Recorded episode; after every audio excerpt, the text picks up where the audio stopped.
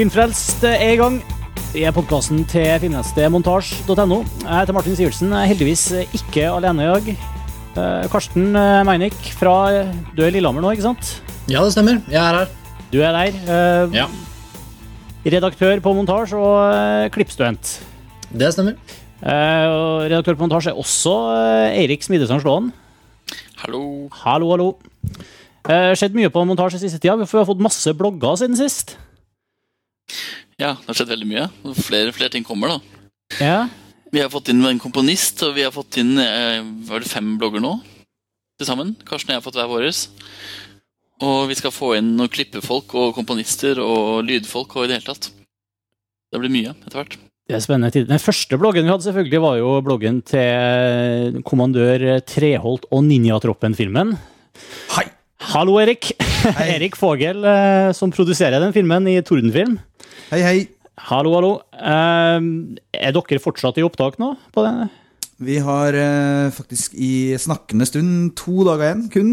Eh, Og det er miniatyropptak og eksplosjoner og sånne type ting. Altså, vi har gjort De største eksplosjonene har vi gjort, men nå skal vi gjøre noen små. Og så skal vi gjøre noen dyr og litt sånne artige ting. Skal dere sprenge noen dyr? dyr. Spreng dyra. Nei, dyra, vi skal klappe dyra. Men vi skal gjøre det, for, men vi skal gjøre det foran en green screen. Noe av det, i hvert fall. Nettopp. Dere har jo allerede tatt opp en pingvin. Det var, leste vi i Bergen, eh, var det Bergen Tidende, eller BA, eller noe sånt. Yes. Og det blir flere dyr. Men nå er den morsomme biten med eksplosjoner og eh, pyro og alt det der. Det, Nettopp. Så det er liksom nerdegjengen som er igjen, mens resten er ferdig. Uh, inklusive skuespillerne. Så det er bare nerdene på sett. ja, dere annonserte nettopp både skuespillere og lanseringsdato, faktisk. Det stemmer. Fredag den 13. neste høst, august. Det er lenge til ennå, men eh, det er bare å begynne å glede seg og telle ned, sånn som vi gjør. Nettopp. Ja, men det blir spennende. Um, og sist, men ikke minst, rundt det virtuelle Skype-rundbordet her, Erlend Sakshaug fra Kvisten Animasjon. Hallo, Ja. Erlend. Og fra Animation Conversation. Det er Fra for meg, da. Animation Conversation Podcast, som er vår Ja, jeg skal ikke, det er ikke en søsterpodkast på ingen måte, men du har jo vært med her på Filmfrelst eh, før, så eh, Affiliert, i hvert fall. på noe vis. Jeg- Dere har en podkast om animasjon, som det ligger i tittelen, selvfølgelig, men den er på engelsk, og det er deg og Morten, er det den heter? Jeg og Morten Øverli fra Kvisten, som Mm. eh, gir ut podkast hver uke. Og der er det nyheter og eh, filmanmeldelser og alt du måtte ønske. Bare på et annet språk. Har dere anmeldt eh, Up, som vi skal prate om i dag? Det har vi, og den ligger eh, ute i denne, i denne på skrivende stund. Det er det jo ikke, men eh, ja. Den ligger ute, så den kan dere sjekke ut etter at dere har hørt på denne podkasten. Nettopp. Er det mest eh, norske lyttere dere har, eller er det fra hele verden? Siden Nei, vi har dere snakker sånn på engelsk, mener eh, 50% fra Norge og 50% fra resten av verden, tenker jeg. Mm. Mange fra USA. Nettopp. Jeg har hørt på et par av de nyere episodene deres, det er veldig bra, så jeg vil anbefale alle å høre på Animation Conversation Podcast. Dere ligger i iTunes, vet jeg, og har, har vel et nettsted òg? Ja da, animationconversation.com. Nettopp. Enkelt og greit. Veldig Ja da. Og vi har ikke sprengt noen uh, dyr. Nei, ikke ennå. Det er fortsatt Nei. muligheter. Uh, Det Ikke animerte, ikke animerte dyr engang. Uh, nei. Det, det tror jeg ikke jeg kan huske å ha gjort. Men altså, Up, eller Se opp, som filmen heter på norsk, eh, det er forresten en dårlig tittel. Jeg sånn, jeg skal på kino og se Se opp. Det blir liksom Ja. Ja, det er helt latterlig at, eh, at de, de må prøve å finne på en tittel som forklare Altså, den, den tittelen fungerer helt fint som den gjør. Hvorfor kan den ikke bare hete Opp? Den- hvorfor kunne ikke jeg hett Opp i et nøtteskall?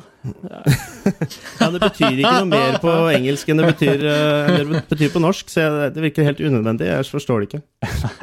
Men ok, La oss høre et lite utdrag fra traileren for å sette oss i stemninga. Over the years, they've taken you on amazing journeys to worlds you've never imagined and places you've only dreamed of. This summer, Disney Pixar will take you on their next great adventure. With Carl Fredricksen. Ah, uh, and he won't even have to leave his house.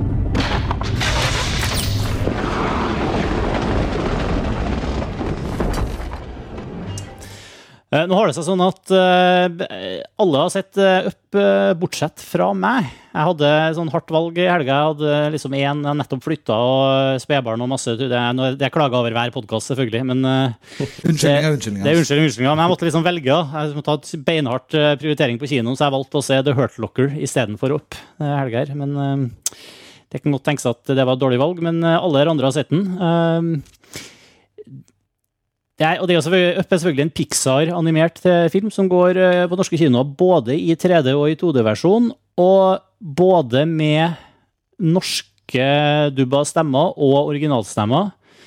Så er det da fire versjoner som går på kino, eller er det tre? Eller fire? Fire. Det er fem, det er fem faktisk. det er fem? Er det fem? Det er også en engelsk, engelsk versjon som ikke er teksta. Så Eh, det er fem versjoner som sjongleres i Norge om dagen. Hvorfor er det en versjon som ikke er teksta? Er det fordi at teksten på 3D-film er så plagsom? Jeg tror det er noe med en ny digital kopi i siste liten, et eller annet sånt, uh, som kom inn. Jeg er ikke sikker. Ja. Den kunne jeg godt tenke meg å se. Det det er helt, helt, helt umulig å orientere seg i Oslo kino-jungel om dagen, fordi det er virkelig det er mange varianter å velge mellom. Det der tror ikke jeg varer lenge. Det er snakk om kanskje et par uker, og så, går- så er det bare norske i 3D igjen, tenker jeg. Ja, Mm. absolutt. Har, Men- folk sett den engelske eller norske? Bare så jeg spurt om det. Norske. Norske. Mm, I, to. I 2D. I 2D, ja. Det var den jeg hadde lyst til å se. Jeg ble sittende og Eller jeg gikk på ringen, her var det 3D engelsk. Uteksta, tror jeg. Men jeg jeg så den- også ja, Jeg så den engelske i 2D. Ja, Men, men det er bra, da har vi sett både norske og engelske i 2D og i 3D, så det, da har vi et godt grunnlag for å gå inn på, på, alle, på alle varianter. Men, eh, men før vi begynner, altså må, Karsten, kan du fortelle oss hva det handler om? Jeg vet at eh, det er en gammel mann med firkanta ansikt som eh, fester ballonger til huset sitt og flyr til Sør-Amerika. Dette har, du fra Dette har du fra traileren, eller? Ikke sant? Ja. ja, hva handler det om? Det er et godt spørsmål. Det handler om en, en, en eventyrer. Eh, En ung eventyrer som blir gammel, og som får en anledning til å gjennomføre et eventyr han har ventet hele livet på å gjennomføre. En eventyrer. Det høres ut som en sånn kategori da vi spilte rollespill, hvor liksom jeg kunne lage en alv eller en kriger eller en eventyrer eller Ja, for det, det var noe som, som ikke jeg hadde fått med meg gjennom markedsføringen, da, som jeg syns var veldig fint med filmen. Det, var den, det vil vi sikkert komme mer inn på, men filmen har på en måte en sånn En sekvens en, Ikke en åpningssekvens i seg selv, men en, en ganske lang første del av filmen, som nesten er en film i seg selv, og som forteller veldig mye om denne gamle mannen med firkantet ansikt som fester ballonger til huset sitt, som vi kjenner fra traileren. Og den, Carl og Fredriksen. den, hva heter han til fornavn, sa du? Carl Fredriksen. Han heter Ja, ja, norsk-svensk Carl Fredriksen, Ja, Carl Fredriksson, eller noe sånt. Ja. Men denne, denne første biten forteller veldig mye om uh, hva som gjør at han velger å feste disse ballongene til huset sitt og fylle dem med helium eller hva det er, og seile av gårde. Og ja, det vil jeg si at han, da, For å korte det veldig ned, så vil jeg si at det handler om en, en ung eventyrer som blir gammel, og som gjennomfører sitt livs eventyr helt på slutten av livet. Men det handler også om en gutt og en hund og en fugl, ser jeg. Ja, Er det noen som vil ta over og fortelle litt videre? Altså, den, den dagen hvor eh, Carl, Carl Fredriksen skal legge ut på sitt livs reise, så får han besøk av en liten speidergutt eh, som kommer for å hjelpe eldre mennesker. Og han blir da selvfølgelig, selvfølgelig tilfeldigvis med på reisen. Um, det er egentlig hele den karakterens altså, basis. Han, bare, han blir tilfeldigvis med på en reise. Uh, men det er selvfølgelig gammel mann møter ung gutt, og ja, litt sånn typisk tematikk. sånn sett. Og så møter de en fugl, og så møter de en hund. Og det er vel egentlig det er plottet, tror jeg. Og en slem eventyrer. Og en slem eventyr, men det er liksom sånn sist liksom sånn, ja. Er ikke det en spoiler, egentlig? Det er en slags Ja, men- ja. Men jeg tenkte vi skulle, etter du taler i utallige oppfordringer, drit i spoilers. Eller altså, bare kjør på. Altså, vi må jo begynne å Jeg tror kanskje vi skal begynne å eh, ta Vi må kanskje oppfordre alle til begynnelsen av hver episode kanskje om å faktisk se de filmene vi skal prate om før dere hører på podkasten. Fordi vi må kunne være det, Jeg tror samtalen blir bedre hvis vi er fri til å prate om alle aspekter ved filmen uten å tenke Ja. om det er spoilers eller ikke. altså. Jeg jeg tror dessuten det er ganske mange lyttere som venter med å lytte på episoder frem til de har sett filmen. Det er i hvert fall det er min erfaring, men selvfølgelig jeg kan ikke snakke for alle lytterne, men de som har gitt tilbakemelding til meg, forteller det. For at hvis Ja, for det, jeg, tror, jeg tror nok det er det beste. Så hvis du enten ikke har sett filmen, eh, eller Nei, hva skal jeg si nå? Hvis du har sett filmen, så kan du høre på podkasten. Eller hvis du ikke har sett filmen, men ikke bryr deg om å høre hva, å fa- ikke bryr deg om at du får høre eh, elementer i filmen som kanskje var ment som overraskelser, og ikke Men lar det eh, ødelegge jeg har et lite sånn ja. motargument på akkurat det greiene der. Fordi at uh, jeg er jo mer lytter enn jeg er uh, Altså, jeg har jo hørt på alle podkastene deres. Og jeg syns det er veldig frustrerende hver gang dere har spoilers, fordi at jeg hører på podkasten for å få tips om hvilke filmer jeg skal se. Ja. Uh, og, eh, ja, og så sier dere ok, her kan dere skru, her kan dere skru av. Men jeg kan jo ikke skru av, for da, får jeg, da blir jeg sittende med en sånn halv, halvveis uh, ferdig podcast på iPoden min som jeg bare har lyst til å bli kvitt etter hvert. Nei, men jeg, jeg legger merke til at Når jeg skal prate om filmer jeg har sett, så er det veldig vanskelig å komme i dybden i praten uten å gå inn på spesifikke ting som skjer i filmen. Ja da. Ofte. Men vi har jo fått veldig tydelig beskjed om at vi skal snakke om spoilere, så da bør vi kanskje følge flertallets anmodning, Synes jeg, da. et alternativ er å gjøre det som irriterer deg, Erlend, at vi, vi prater først om filmen på generelt grunnlag, og så går inn i spoiler mot slutten av episoden, sånn som vi har gjort et par ganger. Ja da. Men jeg synes uansett, selv om ikke det var en stor spoiler Vi har jo ikke kommet til spoilere, egentlig. Eller? Nei. Okay. Jeg kunne i hvert fall se det komme, hvis man kan si det på den måten. Ja. Skal vi inntil videre? Hva, hva syns dere? Hold spoilere til slutten av episodene. Rekk opp hånd. Ingen ser hender, ser jeg, ser jeg faktisk, så da Da bestemmer du. Ja. Nei, det var bare Jeg bare har lest alle kommentarene. Vi skal ikke snakke altfor mye mer om det, men eh, det er altså, kommentarfeltting. Så jeg, jeg siterer fra lytter som heter Jan Erling, som på District 9-podkasten i kommentarfeltet skriver ikke vær redd for spoilere, dvs. Si vær gjerne mer konkrete i saksdiskusjonen. Ja. Det tror Mm. jeg vi har godt av. Jeg tror også det hjelper. Altså. Vi, ja. Kan vi også si at dette er en god anledning til å gjøre det, fordi denne filmen vil sannsynligvis veldig mange se veldig fort, tipper jeg. Skal vi klippe ut alt vi sa de siste ti minuttene, kanskje? Mye svada. Men eh, OK. Putte, putte til slutt Da, da ender vi på en ikke-konklusjon i forhold til spoilers, og tar det litt på sparket. Bra. Um, jeg... Da kan dere ja, bare drit i det jeg sa, så kan vi komme inn på det senere. um, men, men altså, det er jo en film som um, Så vidt jeg har skjønt ut ifra det jeg har lest om det altså Pixar har jo, lager jo stort sett alltid filmer som er interessante både for, eh, for voksne og barn, eh, men um, men eh, det, jeg har litt inntrykk av at det her er kanskje en av de mer voksne filmene Pixar har lagd. Det, kan det stemme, Erik? Eh, altså, jeg vil, jeg vil, vil, på en måte si at Det handler ikke om at det er den mest voksne filmen de har laget. Det handler om at nå har Pixar begynt å lage film som er film i seg selv. Altså Nå har de begynt å nesten neglisjere litt uh, målgruppe, vil jeg påstå. Noen sett utenfra.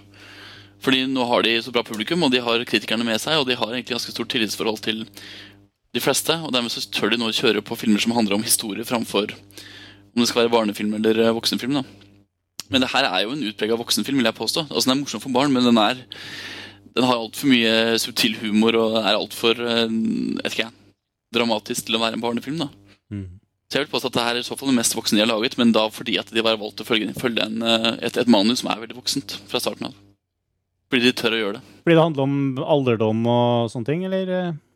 Nei, altså den, er, den, altså den følger ikke den klassiske barnefilm, barneanimasjonsfilm-ideen. da. Den er, eh, den er egentlig, ganske komplisert. Og som Karsten sa, så er det jo en liten sånn ja, Førsteakten er på en novellefilm som handler om forholdet Carl hadde til sin kone. eh, som er en skikkelig Altså For meg så er det en liten voksen kjærlighetshistorie da, som ikke passer for barn i det hele tatt. Fordi den er, den, er ikke, den er ikke så svart, det er bare at den er så utrolig altså Den er eh, komplisert. da Den forteller på en måte om livet mellom to mennesker. Fra de møtes eh, til det går litt dårlig. Og Altså, App er en voksenfilm, først og fremst, men det er fordi de har laget en historie som er, er et skikkelig manus. Altså, det her er en ordentlig manusfilm. Det her er liksom ikke Madagaskar eller eh, jeg vet ikke, en eller annen Dreamworks-film. Det her er skikkelig gjennomført manusprosjekt. Men som igjen like frem til en animert eh, film. Er- Erlend, hva vil du si? Hvor, hvor havner det opp liksom, i rekka av I Pixar-rekka? Liksom, hva slags, hvor havner den liksom, i Pixars eh, film, filmografi?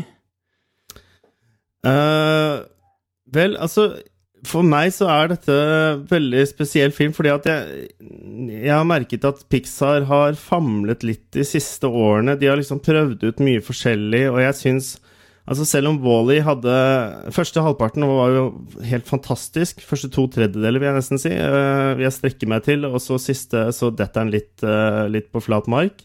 Og så har du Car, som ja, som er et sånn John Laster-prosjekt som eh, som faller litt utafor. Det blir litt for spesielt med disse bilene, og kanskje spesielt for vi som kommer fra Europa, som ikke har den biltradisjonen som det er i USA, da, selvfølgelig. Men uh, dette her syns jeg kanskje er uh, Pixar mest, sin mest perfekte film til dags dato. Og ikke fordi at den, den er liksom helt fantastisk hele tiden, men fordi at det virker som om de satte seg en mål med filmen, og det, det syns jeg er utrolig spennende. Når en regissør du, du kan helt tydelig si at de har satt seg et mål med filmen, og så klarer de jo ikke bomme på noe som helst. Alt er, går bare strømlinjeforma gjennom hele, og det er uh, perfekt oppbygning i filmen og en perfekt avslutning. og jeg, jeg syns uh, virkelig de har kommet i mål med den filmen her, altså.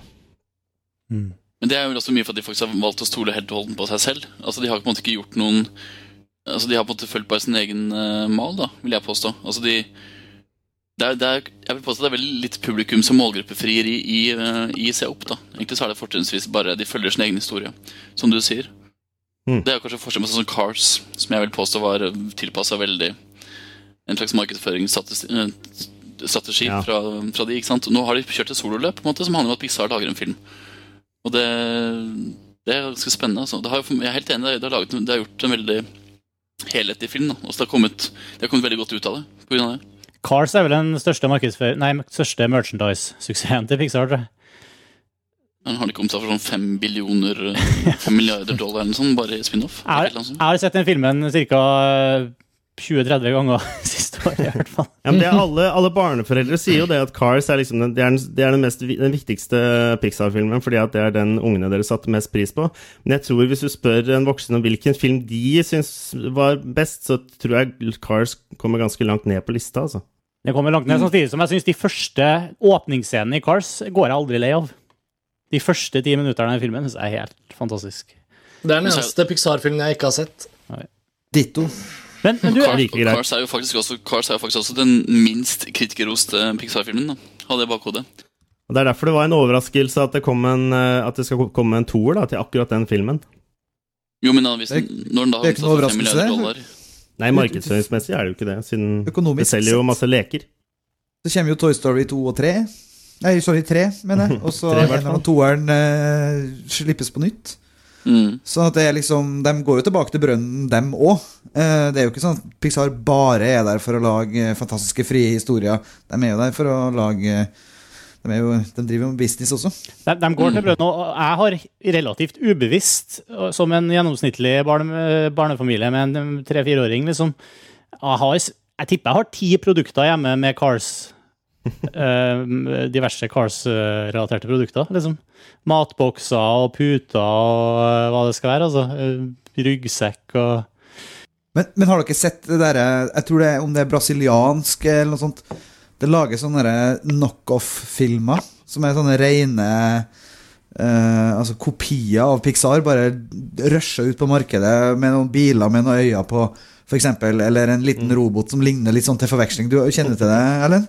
Det var de som pleide å lage knockoff-produkter av Disney-filmer. Ja, jeg skulle tenke på det. Er det Aladdin og de filmene her som da kommer til å komme liksom 500 Det- det, det er det var alltid en. Tornerose 3 og 4 og 5 og sånn som med Nei, men nå tenker jeg, tenker jeg på liksom ting som er, er mer eller mindre liksom piratfilmer. Ja, ja. Som er liksom Ja, for, å- som er laga for at stressa småbarnsforeldre skal plukke feil i DVD-hylla, liksom. Det, vi skal sørge for å lenke til noen eh, fantastiske utdrag fra de filmene der, for det er mye søppel som lages i skyggen av Pixar, da. Men du, de, de, de må jeg gå litt tilbake på nå. Altså, Ellen, når du snakka om eh, og satte det opp her i, i kontekst av, av resten av Pixar og eh, produksjoner og da sa, da, når du nevnte Cars, så sa du at det, ja, det er litt sånn avfeiende at nei, det var en sånn John Lasseter-greie som eh, liksom eh, er, er, du, er du i der? Altså, for meg så jeg har liksom litt sånn Pixar er Pixar, på en måte. Jeg er ikke der at jeg skiller veldig Ja. på, på regissører og sånn, men der er du altså at uh, her er det veldig oh, ja, er det oppe er det Pete Doctor og Bob Peterson ser jeg, som har regissert. Er du liksom veldig på at ja, jeg liker best de Pixar-filmene fra Ja, ja, absolutt. I hvert fall i animasjonsmiljøet så er det jo sånn. og For, for andre så blir det noe annet. Men det, det har kanskje noe med at filmene blir så like, fordi at det er i, i eh, det er jo faktisk alle disse menneskene som jobber på hver eneste film. De har jo eh, utrolig stor innflytelse på hver eneste film. De jobber som et slags svært team som, som jobber både med hverandre og hverandres filmer og sin egen film, hvor de har hovedansvaret. Så det er en veldig sånn uh, liberal uh, måte å lage film på, da, som er helt spesiell, fordi du kan gjøre det Alt er innendørs, og du, eller du er i samme bygg, ikke sant, hele tiden. Jobber der året rundt. Mm. Og for et bygg. ja, for et bygg, ja. Eh, jeg, så, jeg så det på en eller annen, en eller annen dokumentar nettopp. sånn- Jeg tror det var Miyakasi faktisk var på besøk hos Pixar. Da fikk du se masse, masse fra Pixar eh, HQ. ja Men det er også det, ja. Sorry. Vær så god, Ellen. Nei, jeg tenkte bare jeg skulle si, for det er sånn som jeg vet ikke Selv om det er ting som vi animatører vet om, så er det ikke sikkert alle vet det. At uh, hos Pixar så har det alltid vært en helt spesiell arbeids, øh, arbeidsstemning. Da. De har uh, Hver eneste animatør får sitt eget uh, område, eller sin egen bås, for de kan Eller de, de, er, faktisk nødt til å uh, innrede det i en bestemt stil. Altså De kan velge seg at ok, her skal det være hula hula bar, og det er liksom deres rom, og så pynter de med og henger opp uh, hula hula kranser og hva det måtte være. Og så er det en annen en som eh, kanskje bare har biler overalt på veggene. Eh, John Laster kanskje har det? Jeg vet ikke. og så, de, så er de berømt for at de har et sånt eh, Det er ett rom eh, som eh, er under dette, dette startet det for, på det forrige kontoret deres, da, hvor det var en animatør som fant ut at under Det var en sånn sjakt, eller en sånn luke, midt på kontoret hans. Og så åpnet han der, og så viste det seg at det var en sånn gammel, glemt eh, område nedi, nedi der, hvor det er en sånn sentrum for eh, luftekanaler eller noe sånt. Så han eh, innredet det som en bar, og satte opp bardisk, og så var det nachspiel der hver eneste, eller vorspiel hver eneste fredag. Og flere og flere folk ble invitert, ikke sant. Og så etter hvert så har det lekket ut, da. Og nå som de har de nye kontorene, så måtte de bygge noe, noe lignende, bare litt større. Det er sånn som dere, dere animatører sitter og drømmer om å snakke om, altså. Ja, Pixar er liksom eh, Pixar ligger så mange hestehoder foran alt annet. Det er ingen andre som er i nærheten engang. eh, så, det er Du snakker litt om eh, spesielt, Pixar nå, altså. sånn som vi snakka om i teknologiverdenen om Google for noen år siden. At liksom der og der, er det, grå- der går de rundt og massasje, og alle har 20% jobb med hva de vil, og lavalamper overalt, og der flyter med godteri og leker i korridorene. Og... Ja, det er liksom ja. Pixar er animatørhimmelen, det da, ikke sant. Det, det eneste problemet er at du må jobbe fire, nei, 14 timer om dagen, og eh, ja, du får godt betalt, og alle kjører rundt i Porscher og sånt, men eh, men eh, det er eh, litt av en jobb. Altså. Jeg tror ikke du orker å jobbe der mer enn et par år, med mindre du er helt spesielt anlagt. Og det er litt metoden òg, for det, det som du snakka om, det med at det er kollaborativt, eller at folk sjekker inn innom hverandres prosjekter. Det er også sånn at du blir tvunget til å levere altså hver uke, enten starte eller slutte med det du har gjort i det siste. Og da må du på en måte presentere shotene dine hvis du er animatør, eller presentere en sekvens hvis du har satt sammen noen ting, eller for Ja. dine kollegaer. da Altså nådeløst, uansett om du skjemmes over det, eller, eller syns det er bra, og sånne ting. Og får, du får direkte feedback. Og det er liksom prøving og feiling i den der metoden de, de i hvert fall er veldig opptatt av sjøl å snakke om at de har. da At du skal også gjøre det i fellesskap. da Ja, det er jo skal... det vi kaller for dailies. At at eller det heter det jo i annen film også, men uh, dailies i animatørverden er at du, man sitter i en, digert, en diger sal, og så sitter det hundre 100 animatører som er vel så gode som deg, og sitter og bare eh, snakker om hva du har gjort feil, og hva du må gjøre bedre. Ikke sant? Eller kanskje gir deg noen komplimenter, da. Men, men moralen er at eh, Moralen er drikk mer på jobb. Til, til syvende og sist så går det bra. Gjør det som moro på jobb at du ikke har lyst til å dra hjem. Det høres ut som uh, hoved... Jeg tror ikke du tør å dra hjem, for du skal vise noen ting dagen etter. liksom Men, men altså Resultatet er da en film som Up, som har eh, Jeg slo nettopp opp her 97% på Rotten Tomatoes. Hva, hva er det liksom de gjør riktig her? eh, Erlend, hva vil du si? Hva, du sier at det er den beste Pixar-filmen. Hva er det som gjør det til den beste Pixar-filmen? Eh, jeg sier ikke nødvendigvis at det er den beste Din favoritt, da. Jeg, Ja.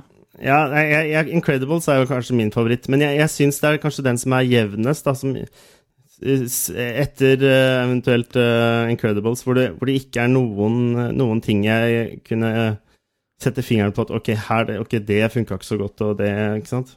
Det er sånne ting. Men uh, jeg, jeg, synes, jeg er ikke ekspert på film, jeg er, bare, jeg er mer synser, ikke sant. Og jeg, jeg syns det, det det, fungerte utrolig fint, hele filmen, og den er så rørende, og den har så mye action. Og, og så bare å tørre å satse på at det er en gammel mann som er hovedpersonen, det syns jeg var helt uh, genialt, altså. Er det noe animasjonsting tek er det noen tekniske aspekter ved filmen som er interessant. Det er jo, de har jo gjort mye for CG-animerte filmer Pixar før. Eh, Dette er nesten første gangen hvor, hvor de ikke kan skryte av at de har kommet opp med noe nytt. Eh, det er ingenting revolusjonerende med filmen sånn sett. Jeg, jeg legger merke til at animasjonen blir mer og mer realistisk. Den, du begynner å nærme deg eh, Du begynner, å nærme deg eh, film, da. Altså i måten ting er animert på. Det er sånne detaljer som sikkert ikke dere ser. Du må ha litt sånn eh, Erik, du, du ser vel mye av det, kanskje? Jeg vet ikke om du la merke til det? Jeg tenkte ikke så mye på sånne ting når jeg så den. Jeg, jeg har alltid sett veldig etter sånne hos Pixar. Så sånn type at du ser eh, reflekser i vinduet, for eksempel, da, ikke sant? Alle mulige sånne ting. Har jo alltid vært veldig spesielt med Pixar. Altså Detaljrikdommen i bildene, for eksempel. Er, er, jo, er jo noe man tenker over bevisst eller ubevisst, men man ser det jo. Mm. At du, kan, du ser for gjen, Gjenskinnet til fuglen i øyet til den gamle mannen når han kommer mot den gamle mannen, for eksempel, så ser du et hint liksom, av fuglen i øyet, og så skifter lyset, og så blir det borte. Ikke sant? Sånne, Ja. sånne ting ser, jo, ser man jo. Mm. Da, men det er veldig mye av det her. da Det er veldig detaljert. Og det er, det er, eh, hvis, hvis man sammenligner med Dreamworks, da, som er den som er den mest nærliggende å samme, sammenligne med, for det er på en måte andre enden av skalaen, ikke, ikke kvalitetsmessig, men eller, eh, altså, de er jo de har de samme budsjettene, men samtidig så klarer de aldri å lage en Pixar-film. Det, det har noe med arbeidsmetodikken og du, det har noe med det visuelle at uh, du, kan, du kan se at det er en Pixar-film. Det, det, det kan være tre ganger så mye realistisk hår og vann og hva det måtte være i de andre filmene, men det hjelper ikke det, hvis ikke karakterdesignen er liksom helt dønn der den skal være, og alt bare faller på plass som, som eh, puslespillbrikker. Men, men altså, det er jo ikke, når du sier realistisk, det er jo ikke lagt opp til noe fotorealisme. For, for det hovedfigurene her, selv om det er en, eh, et menneske, en mann som har Det er ikke en bil eller en, eh, en, en, eh, maur eller noe sånt. Det er en mann, liksom en, det er jo en tegneseriefigur. Han er jo en Ja, da, absolutt. Ja. Men det, det er forskjell på altså Når jeg sier realisme, så snakker jeg om realisme i bevegelsene. Mm. Og det, det, det er noe du ikke ser før du egentlig er trent selv. Det er, det er det som er den store fellen som animatør. Man sitter og konsentrerer seg om å lage de mest perfekte bevegelsene.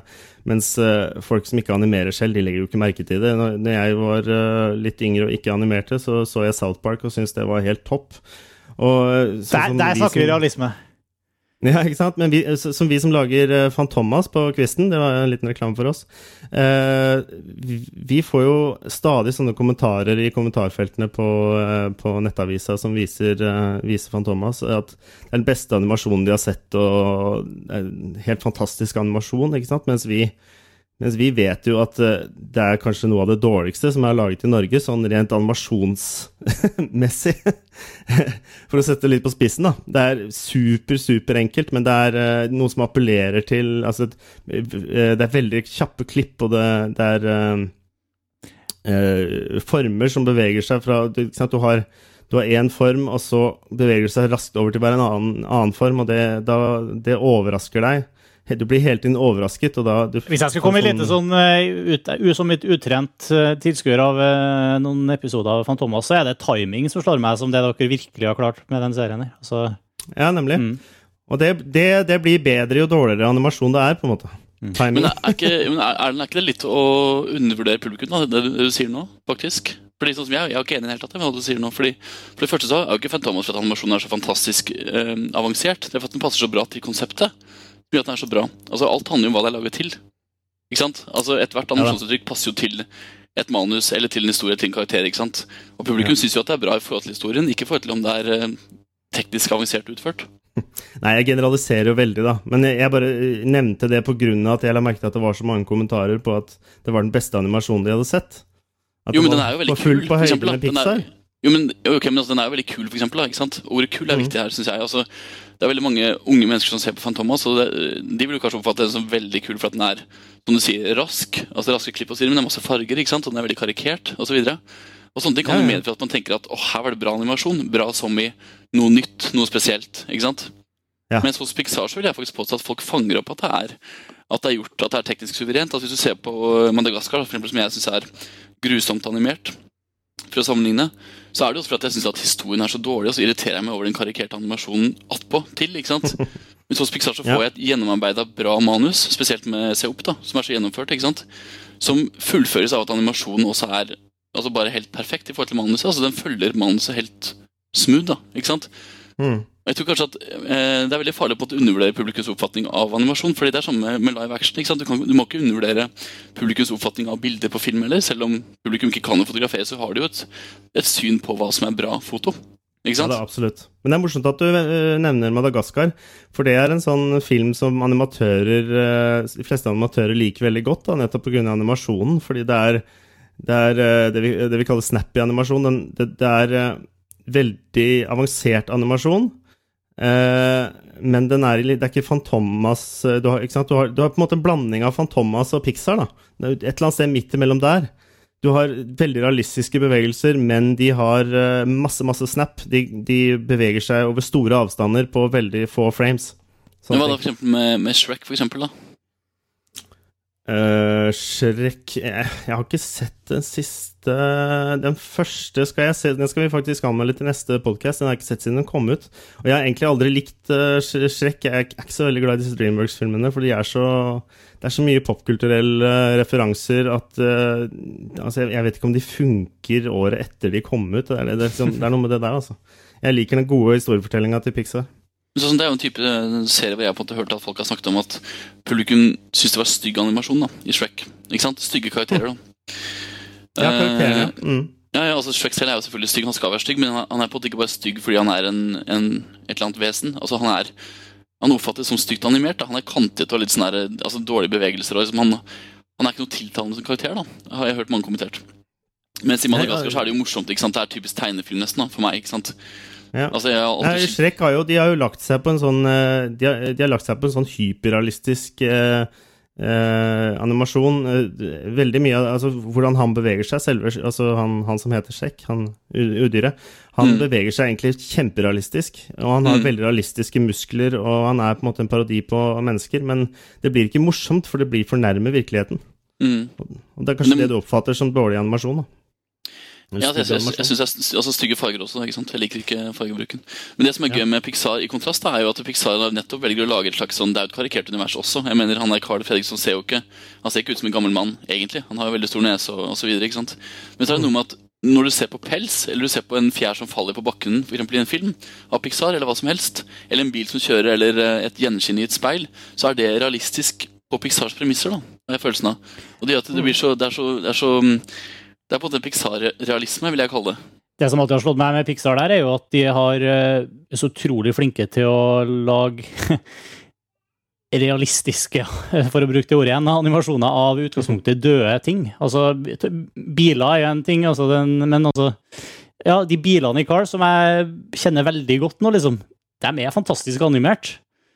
Og, og, men, mens mennesker med, har jeg har jeg ikke sett opp, da, men kanskje mulig unntak av eh, Hva heter den uh, Ratatouille, tenkte jeg på, som har, også, ja. som har mennesker også. Så, så har det jo ikke vært De har vært litt sånn tilbakeholden med å animere mye mennesker i sentrale i sentrale roller, for å si det sånn. Uh, tidligere. Da, I Wall-E òg så er jo menneskene uh, geléklumper, liksom. eh, Mm. Det er såpass vanskelig å lage hår og klær og den typen ting. Altså, for uh, si, ti år siden da, så var det såpass komplisert at det var nesten ikke noe man gjorde. For det, det, det ble så lang eh, Det gikk så mye tid til å generere, da. me- Menneskene i Toy Story, for eksempel, syns jeg alltid var litt sånn skuff.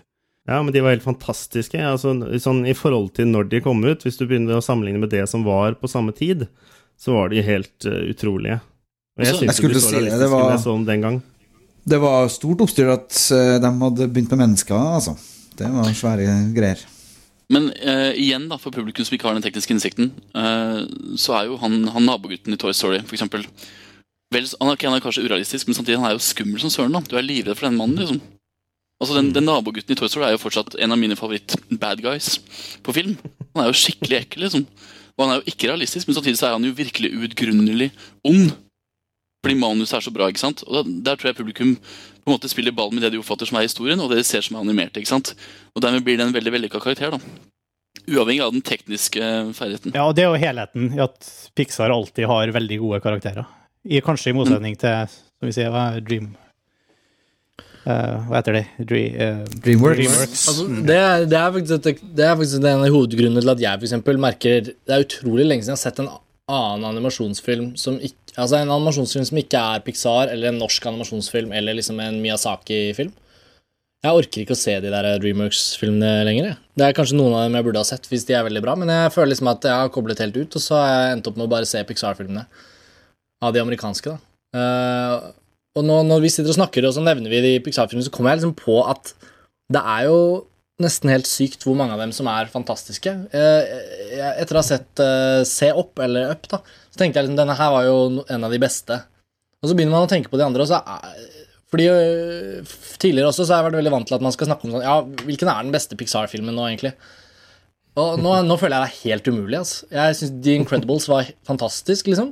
Og jeg syns både Ratatouille og Wall-E var bare liksom briljante, nydelige, fantastisk flotte. Altså, det er så kjedelig å bruke alle disse adjektivene om og om igjen. Og det er Cars er den eneste jeg ikke har sett, men jeg, det er liksom ikke en av de filmene jeg ikke setter pris på, og de som er kjempe, kjempe, kjempebra, de er liksom fire-fem av nå. Eh, det er ganske spesiell status, så jeg, jeg visste ikke helt hva jeg skulle forvente av Up, Ja, men jeg hadde jo rukket å, å lese nok positive anmeldelser og snakke med nok folk som likte den til at jeg forventet et mesterverk nok en gang, og så var det det.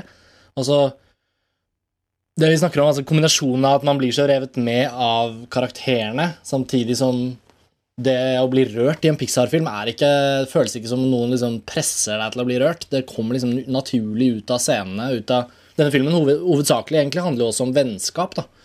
Det sa jeg ikke da du spurte hva den handlet om, fordi jeg var mest opptatt av plott. Men liksom Spoiler! Handler om vennskap. Spoiler. etter hvert i filmen så er det jo virkelig eh, eh, de flotte vennskapene som blir til i løpet av eh, hendelsesforløpet, som er rørende, og, som, og ting ved karakterene som dukker opp som er sånn Man slutter å snakke om det som en animasjonsfilm. Nå har vi snakket veldig mye om det som en animasjonsfilm, som en Pixar-film, men til, til, bunnen, til bunnen av det hele så handler det jo om at, som Eirik sa i begynnelsen, det blir liksom en film helt uavhengig av liksom teknikk, og den blir en veldig, veldig, veldig bra film. Jeg vil kalle det filmkunst. Stor filmkunst. Og jeg husker opplevelsen av Wall-E. Det var en av de sterkeste filmopplevelsene jeg har hatt på mange, mange år. Altså. Og, og, så jeg hadde ekstremt høye forventninger til å se Up. Men jeg, jeg, jeg syns ikke Up målte seg hvis vi skal begynne å måle filmene til Pixar igjen. Altså, den, den når ikke helt opp til det som for meg er favoritten Wall-E. da. Eh, før det så var det faktisk Finding Nemo som var min eh, favoritt. Ratatouille på en god andreplass. Men, uh, men den er et mesterverk, også Up. Men der, der den ikke liksom er sju på terningen, som kanskje Wall-E er for meg, så er det faktisk uh, paradoksalt nok i, i manus. Det snakkes, altså Erik, du snakka mye om at, du, at det er en ordentlig manusfilm, og det er det for så vidt, men, men jeg tenker at det, det handler mer om hvordan den behandler tematikken sin. Det er veldig, veldig smart. Uh, men jeg syns den også har bærer litt preg på å være en konstruksjon uh, i forhold til hvordan uh, ja, altså filmens antagonist. Hvordan han spiller inn i, historien og ikke og sånne ting. Det er en veldig sånn personlig film, drevet av en karakter og hans sidekick. Og det er deres, det er en odyssé, det er deres reise. Men, men den snubler litt, syns jeg, på stokkortene sine. Litt vel sånn at det går opp til slutt, og du får den den, den, den Pixar-moralen du forventer av en Pixar-film. De er innafor en viss sånn tematisk moralsk boble i alle filmene sine. Så den blir litt bitte litt formelmessig, men det er liksom ingen grunn til å ikke springe på kino og se den, for det er også et, et mesterverk. Paradoksalt nok. Men jeg mener at den har, har flere høner å plukke med den her på manusting enn en del av de andre Pixar-filmene jeg har likt. da. Men Pixar har jo fått mye kritikk for at de, de bruker en sånn formel på alle filmene sine at uh, alle, alle det, er moralen, det er samme moralen i alle sammen, ikke sant? Sa, sammen er vi dynamitt, eh, og vi får det til til slutt, bare vi eh, går sammen, alle sammen. Men jeg syns denne falt litt utafor det. Det ble på en måte Jeg syns den her handler mer om om, om eh, å prøve å legge fortida bak seg og, og nyte liksom veien mot målet, ikke bare det er ikke bare snakk om å komme i mål, det er snakk om å nyte veien, eh, vei, på veien, da. Og det, det syns jeg var skilte seg ut. Jeg er enig på den måten at den skiller seg ut i perspektiv. Den her har et voksent perspektiv på livet som en helhet, som ikke Mm. de andre filmene har, fordi karakterene i de andre filmene er ofte unge. Eh, så der skiller den seg ut, men det er likevel også en, en slags far-sønn-historie som vi har sett mange ganger før. Det er også en, eh, en reise, som vi har sett eh, dem gjøre før. Sånne type ting. Men du har helt rett, altså, den, den skiller seg ut eh, på, den, på, på akkurat det, men jeg tror det handler om perspektivet til fortelleren. Jeg har lyst til å lese eh, noe som eh, kom som respons på artikkelen du skrev, Eirik, på montasje. Mm. Tonje kommenterer her eh, i artikkelfeltet vårt. Jeg koste meg storveis og gispet meg gjennom mesteparten av filmen, men fikk et problem mot slutten, og dette problemet gjelder også andre Pixar-filmer.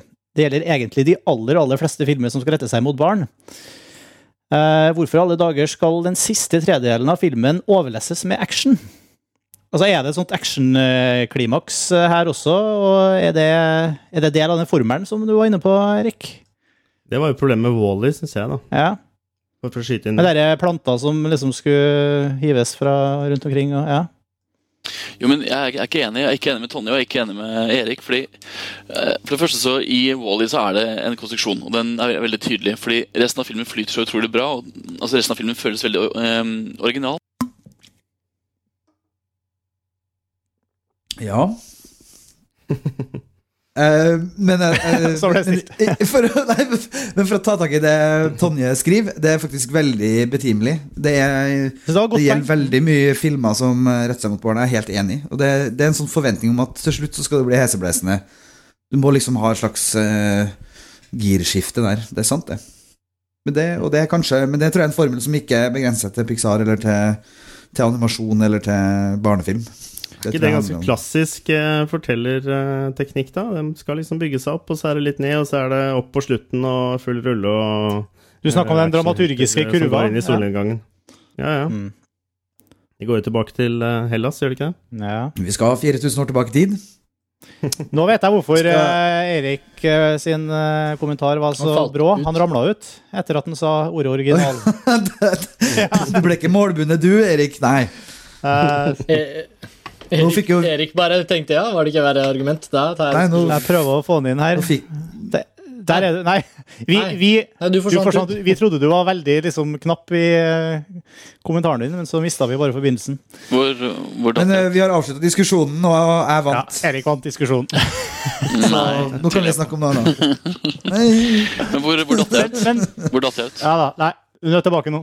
Eh, Erik, du, er, er du eneste som så den i 3D, fant vi ut? Ja, men Martin, jeg vil beholde diskusjonen. Hvor, hvor falt jeg ut? Ja, jeg vil full- fullføre resonnementet. Jeg vil ikke stoppe med det der. Ja, du, du sa at du var uenig med både Erik og Tonje, og at filmen var, eh, det var noe, Du slutta på ordet original, i hvert fall. Nei, men altså, jeg, jeg er som sagt helt uenig med Erik og Tonje fordi dette er en klassisk Hollywood-film. Altså, det her er ikke en eh, film anno 2009. Den er laget som en eh, 30-40-tallsfilm. Sånn som King Kong, for eksempel, som jeg, har skrevet om på montasje. Og i det, i det manusmiljøet som vi snakker om da, tilbake på 30-tallet og 40-tallet, så hadde, hadde filmen litt, den der konstruksjonspreget veldig tydelig. da. Og jeg, jeg vil faktisk påstå at det er det Pixar faktisk prøver å gjøre. da. De, og den siste akten føles veldig logisk hvis du tenker på at det her er en eventyrfilm à la Indiana Jones eller King Kong. Da, er den veldig, da hører den veldig hjemme, den, den siste akten. Så jeg, jeg syns det er litt sånn banalt å på en måte avfeie behovet for å tekke barn som en, en årsak til at de har valgt å ha action på slutten. Jeg tror faktisk at det er en sjangerkonvensjon. jeg. Og velger å tolke det som det.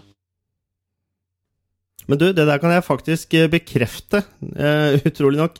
For jeg så en sånn uh, making of-greie som jeg fant på YouTube nå rett før, og da snakket Pete Doctor, regissøren, om akkurat det der, og han sa at det er en omasj til uh, gamle, gamle sjangerfilmer.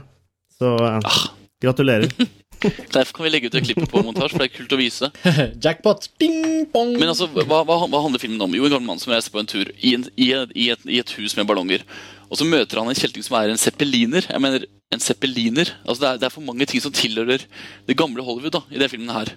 Til å, altså, de skyter med maskingevær liksom, oppi en zeppeliner. Altså, det er så mange ting her som er så det er- så gammeldags da, på den fine måten. Og det tror jeg faktisk at manuset også bærer preg av. Det er veldig Nia Jones, akkurat det. Ja, ja, og Indiana Jones er ikke minst en hommage til disse gamle filmene i seg selv. Altså, så jeg synes at Hvis man sitter som publikummer og på en måte irriterer seg over action på slutten, ok, da kan man godt gjøre det, men da må man i hvert fall, hvis man har sett mye film da, og, sett, og har litt formening om filmhistorie, så kan man faktisk tillate seg å tenke litt mer over det enn bare avfeie det som et kommersielt uh, motivert foretak. Det gjør jeg ikke, Erik. Nei, ikke, ikke, ikke, ikke, eh, du, men veldig mange har gjort det. da Har jeg sett i anmeldelser, og det synes jeg er veldig synd, for det er veldig morsomt at Pixar tør å rendyrke denne gammeldagse Hollywood-filmen. da Men at det er påfallende at det er sånn er tredjeakta til de fleste filmer. Sånn er det jo.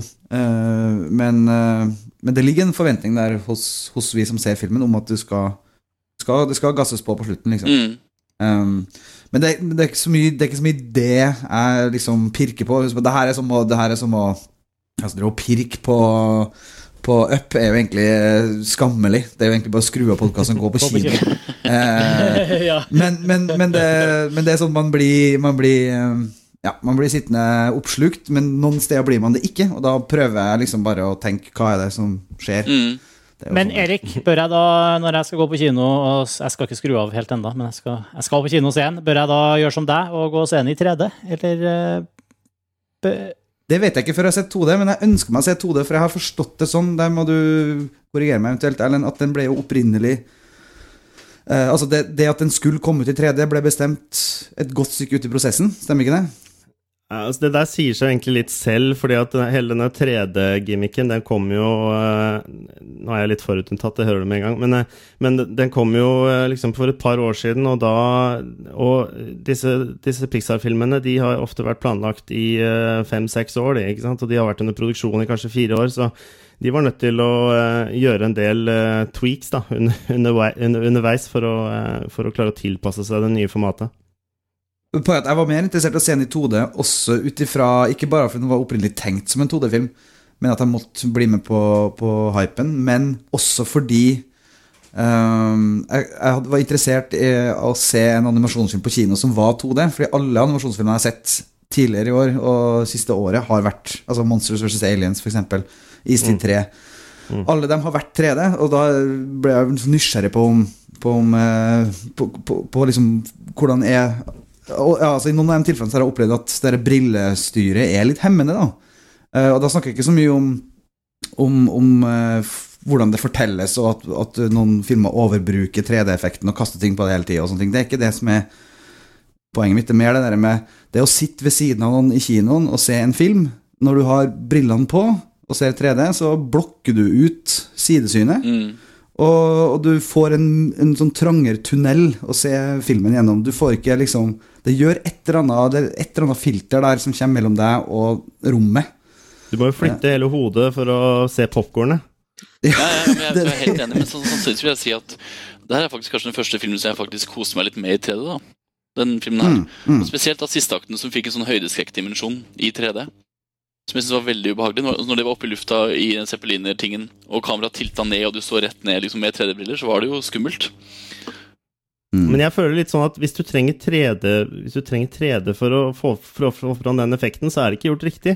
Jeg, jeg, og, jeg og Morten kom jo også til den konklusjonen at vi ville Vi var egentlig ganske enige om det hver for oss, at eh, nå, nå ser vi den i 2D fordi vi har ikke lyst til å dra på Vi skal ikke på Tusenfryd, vi skal se film. Det er noe med det der at uh, den 3D-grad, den det blir for mye effekt og for lite innhold, da. Jeg, jeg skjønner ikke helt vitsen. Det er liksom en sånn uh, pengemaskin som prøver å få oss til å tenke at dette her skal eh, virkelig øke opplevelsen, men jeg syns ikke det øker opplevelsen. Det er noe med at eh, Eller eh, kontrastene blir dårligere, og det blir liksom mørkere, og Jeg satt og hørte på Henrik Sedlik eh, nå i sommer. Han satt og prata rett ved siden av meg på Vi var jo på festival, og da sa han jo han også at eh, han var ikke sikker på om han helt likte dette, men eh, han måtte jo liksom bare være med på, eh, på toget, da.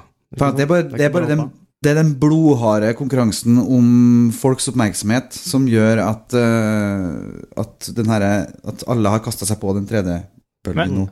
Men det er Altså, det- gammelt nytt allerede. Det er gammelt nytt allerede. og Det er, nå er det en dalende interesse både hos produsenter og distributører for 3D også i USA. da. Altså nå, nå er det veldig mange filmer som blir kansellert som 3D-filmer, f.eks. For, eksempel, for tiden. Fordi publikum har jo, en, har jo Hvilke, hvilke da? Nei, altså nå, da, til og med nå så jeg var vel senest i går at Disney har vurdert å gi ut uh, Alice i Eventyrland Tim Burton sin hovedsakelig i, i vanlige 2D-kopier. Ikke 3D, som de opprinnelig skulle. Altså De snur om på planen. da, på en måte, og De, de skulle jo prioritere 3D, og nå går de mot 3D. 2D. Eh, Tintin-trilogien er jo valgt skutt til 2D, vanlig 2D, for eksempel. Avatar blir 2D.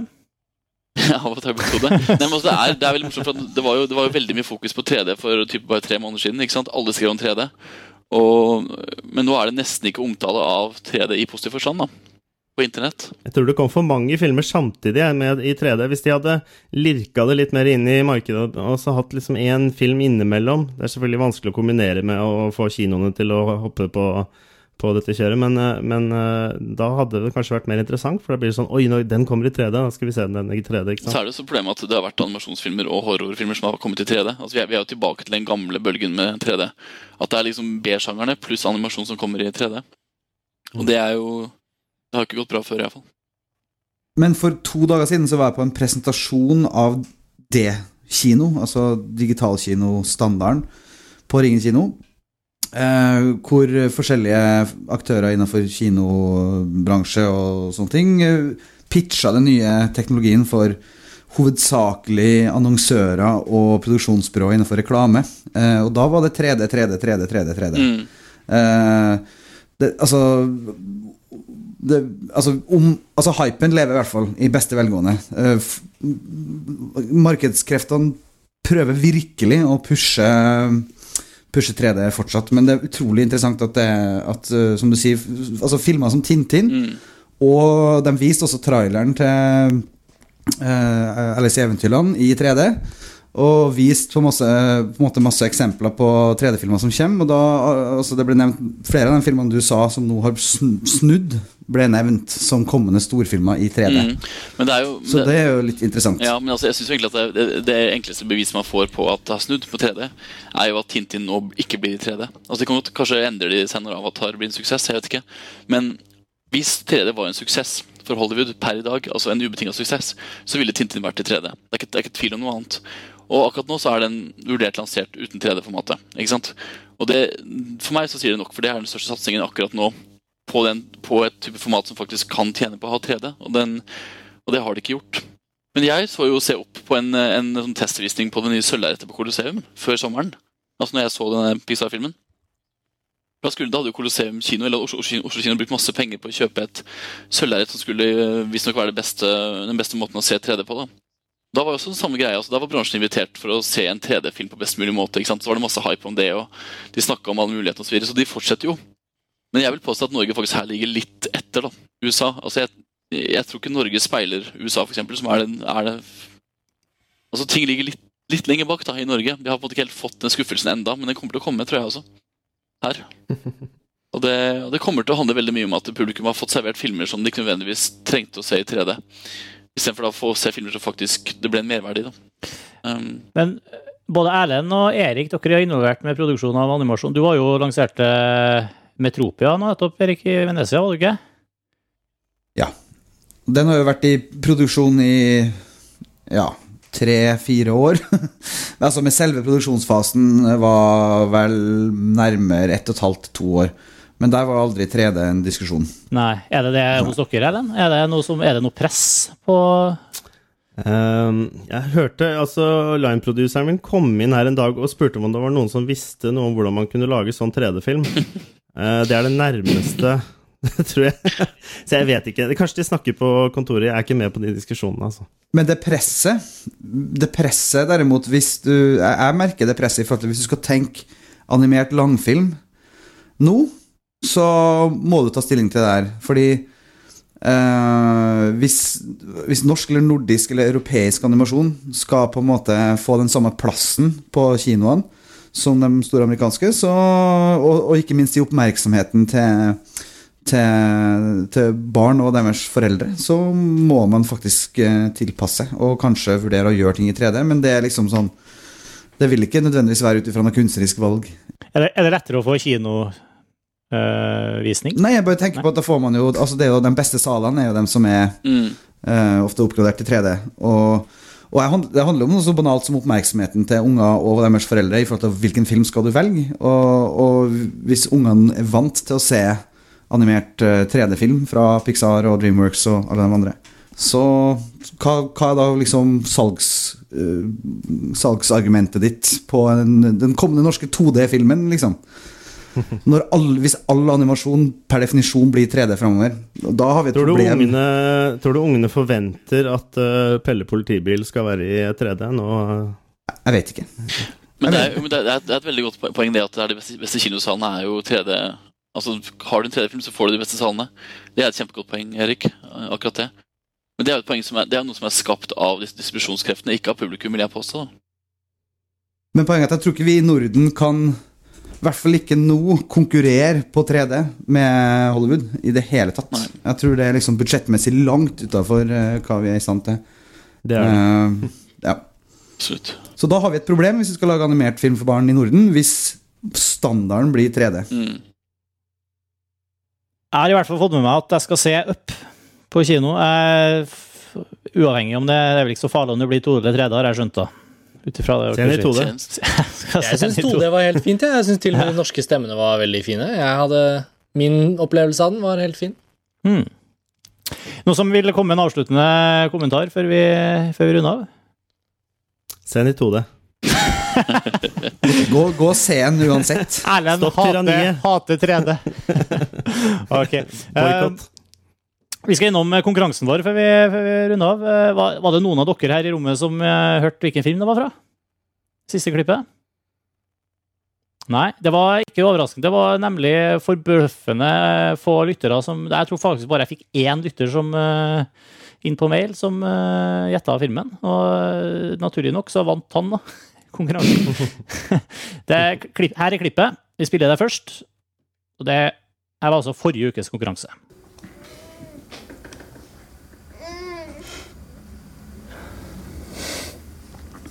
Det er noen ganger der Jens minner meg mer på det jeg ikke har, enn på det jeg har.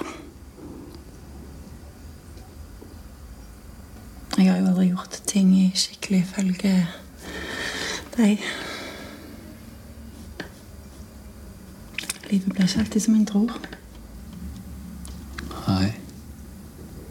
Det blir ikke det.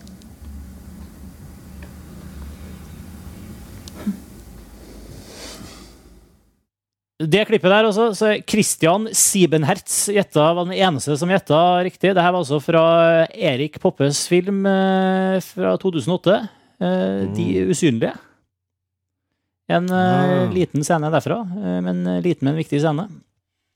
En film eh, jeg likte veldig godt, i hvert fall. Kjempebra. Kjempefilm. Veldig. Så det. Du får en T-skjorte i posten, Christian.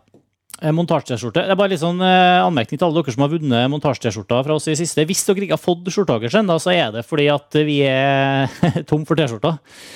Eh, nå er jeg litt usikker på hva status er, men eh, alle vinnerne er notert ned, og nye T-skjorter er enten bestilt eller blir bestilt straks. Så dere får. Men vi har en ny konkurranse uke her. Og eh, da er det altså bare å høre nøye etter og høre om dere klarer å gjenkjenne hvilken film det klippet her er fra. In this world, a man himself is nothing. And there ain't no world but this one. I've seen another world. Sometimes I think it was just my imagination.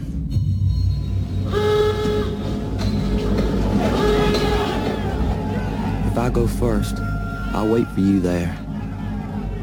On the other side of the dark waters. Why should I be afraid to die? I belong to you. Yes, så hvis Radiator. Det Så, eh, det, er- det er hemmelig.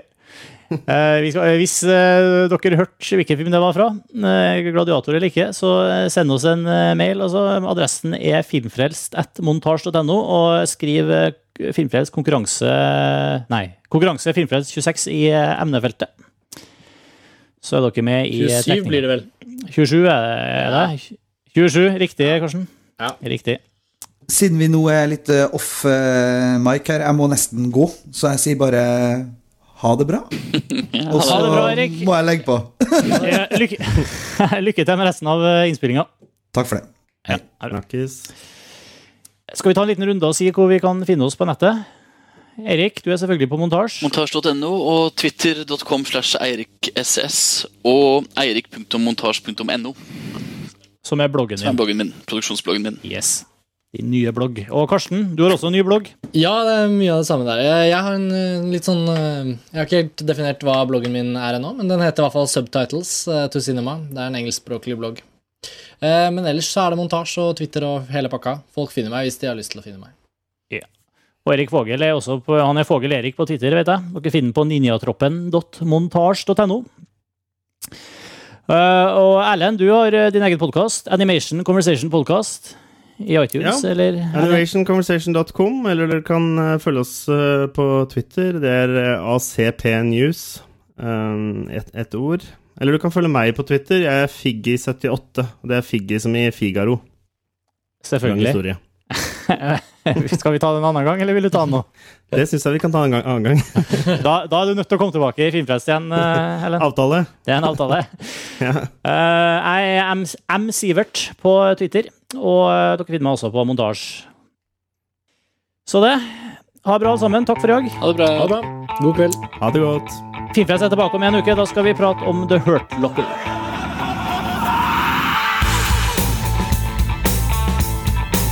Filmfrelst er en ukentlig podkast fra filmnettstedet montasj.no.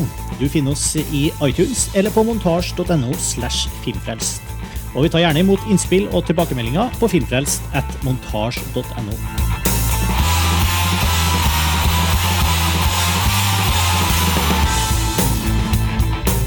Og musikken du hører nå, er fra det norske bandet Ping. Hør mer på thepingpage.com.